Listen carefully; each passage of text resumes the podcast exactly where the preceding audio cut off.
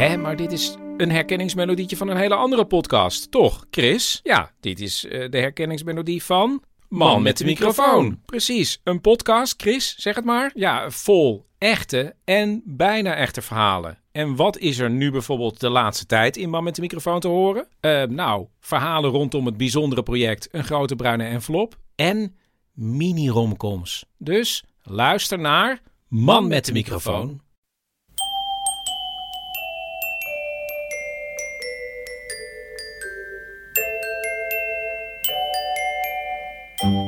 Welkom bij aflevering 7 van de Echt Gebeurd podcast. Echt Gebeurd is een maandelijkse middag in Toemler waar mensen waargebeurde verhalen vertellen die ze zelf hebben meegemaakt. Elke maand is er ook één persoon die voorleest uit zijn of haar dagboek. Het dagboek dat diegene bijhield in de puberteit. Een van de onverschrokken helden die hieruit durfde voor te lezen is Eva Postuma de Boer. Dit is haar puberdagboek. Ik heb nu al vlekken volgens mij. Ik eh, heb dit eh, vanmiddag eh, heb ik de, de dozen met dagboeken tevoorschijn gehaald. En toen, na vijf minuten dacht ik, ik ga afzeggen. Maar goed, ik ben er toch. En ik heb meegenomen mijn allereerste dagboekje. En dat kreeg ik 32 jaar geleden, in 1978. Dan weten jullie meteen hoe oud ik ben. En ehm, het is wel grappig, want het begint in december. Voor het kerstgevoel. Dan weten jullie ook een beetje wat de weersomstandigheden 32 jaar geleden waren. Ehm, het begin.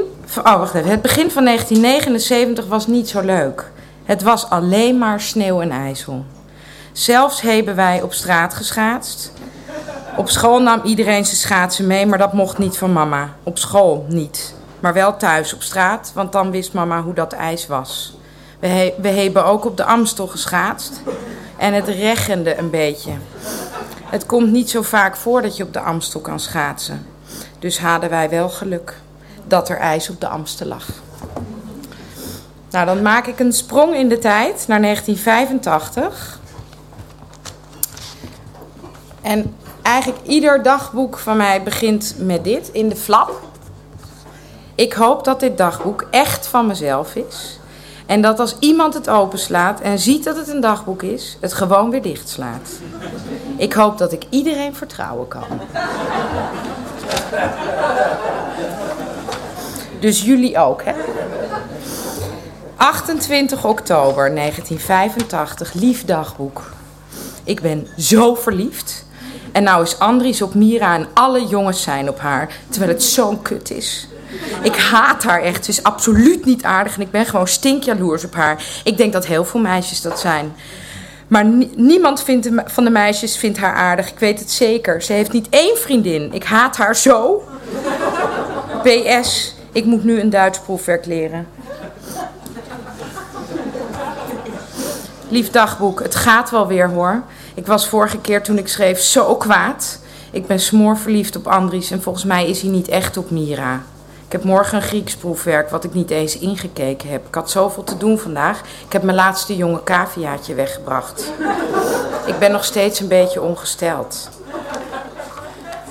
Dit moet ik even laten zien. Ik weet niet of je het hè? Er staat... Wauw, te gek. Ik ben met Andries gegaan.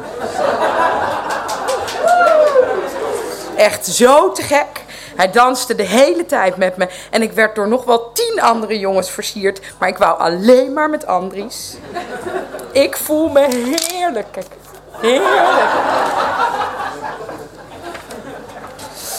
En ehm PS1, Nora pit nu bij me. PS2, we zijn vandaag gaan staken van school vanaf circa 11 uur. En toen gaan demonstreren tegen die klote raketten. En Lubbers heeft besloten dat ze er toch komen. Kut dingen. Ik ben zo gelukkig. Ook voor Andries. Heb ik echt geschreven.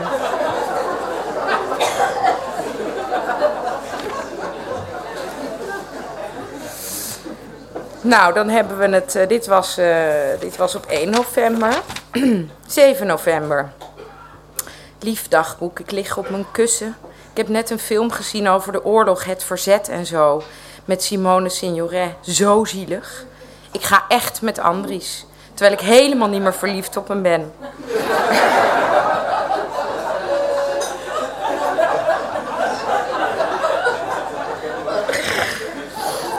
Ik geloof niet dat ik nog met hem wil gaan. Maar hij blijkt stapel op mij te zijn. En het is nog geen week aan, dus ik kan het nu gewoon nog niet uitmaken.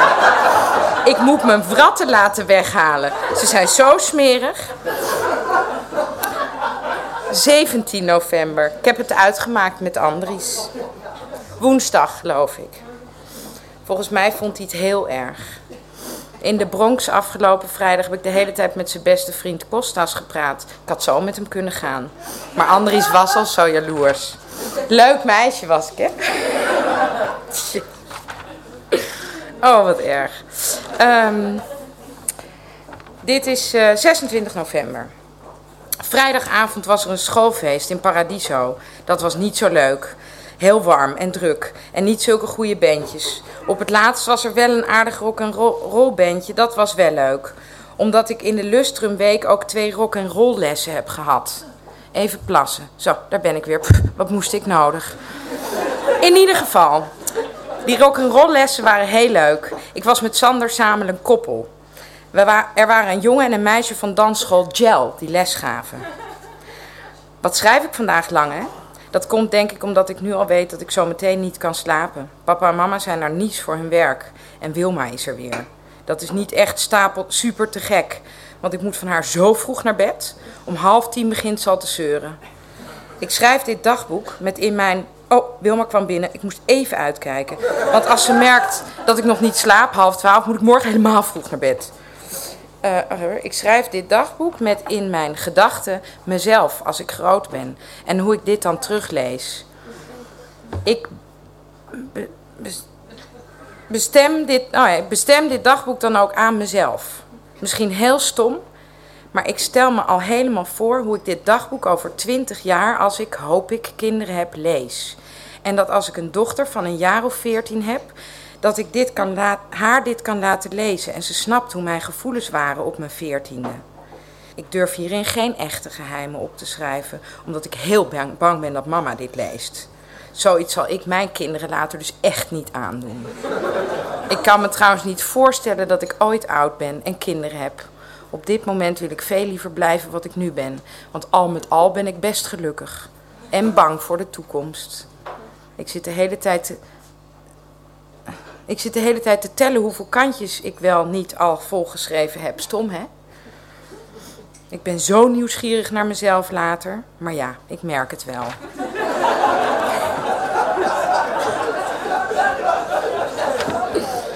Oh ja, nog een stukje. Heb ik nog even of moet ik al stoppen? Uh, kerstavond, dat is ook wel grappig. Liefdagboek, hier ben ik eindelijk weer. Papa en mama liggen in hun kamer ruzie te maken.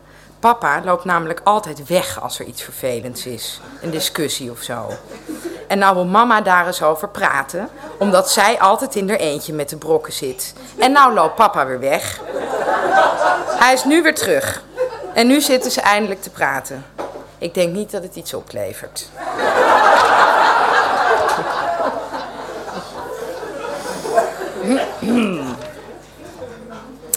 Schreef ook weer eens gedichtjes. Was ik vergeten, maar dat heb ik vandaag ook weer ontdekt. Als je moet, wil je niet. Als je wil, mag je niet.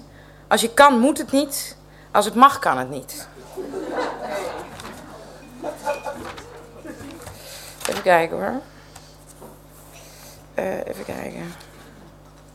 Kijk, ik ga jullie natuurlijk niet alles laten horen. Ik moet toch een beetje selectief zijn.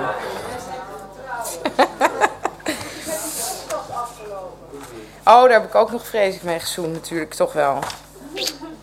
Maar ik weet niet meer waar ik dat heb staan, Costas. Um, oh ja, hier, even tussendoor. Laatst zat ik met Cleo knetterstoond in La Tertulia op de Prinsengracht. En toen las ik een strip waar ik zo om gelachen heb. Dit stond er. In toto et sumo, orneanda est. Dat betekent, het is dus Latijn, alles goed en wel, maar is het te versieren? Si est vero faeces. Ja, dat is wel shit. En de leukste is nog wel habet tamen ami- amicium illum nigrum grossum. Ze heeft wel een vriend, die dikke neger, weet je wel. Ehm, oh ja, laatste stukje. Vandaag hebben we de laatste zelfverdedigingsles gehad op gym. Ik kan me nu uit hele moeilijke situaties redden. Als ik word omsingeld, kan ik door allerlei afleidingsmanoeuvres uit de kring komen. En als er een groepje jongens voor me gaat staan, kan ik langs ze door schreeuwend met mijn armen te zwaaien als een mode. PS, ik denk er wel eens aan hoe het dagboek van Anne Frank nou echt is geschreven. Ik kan me zo moeilijk voorstellen hoe je het volhoudt om zulke mooie zinnen te blijven schrijven in je dagboek. Moet je zien wat een shitzinnen ik produceer. Maar ja, Anne had natuurlijk niks.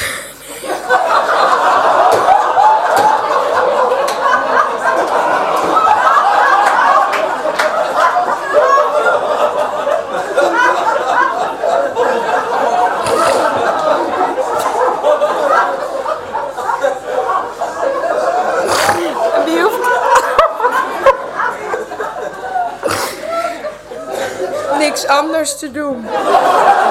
Ik wel, wel trusten. Hier zou nooit een boek van gemaakt kunnen worden. Ik zou het wel heel tof vinden natuurlijk. Want dan blijf je tenminste herinnerd. Maar ik zou me in mijn graf liggen te schamen. Stel je voor, Anne had geweten dat haar dagboek door zoveel mensen zou worden gelezen. Dan had ze echt een heel ander dagboek gehad. Ik wil het boek nu lezen, voor de tiende keer.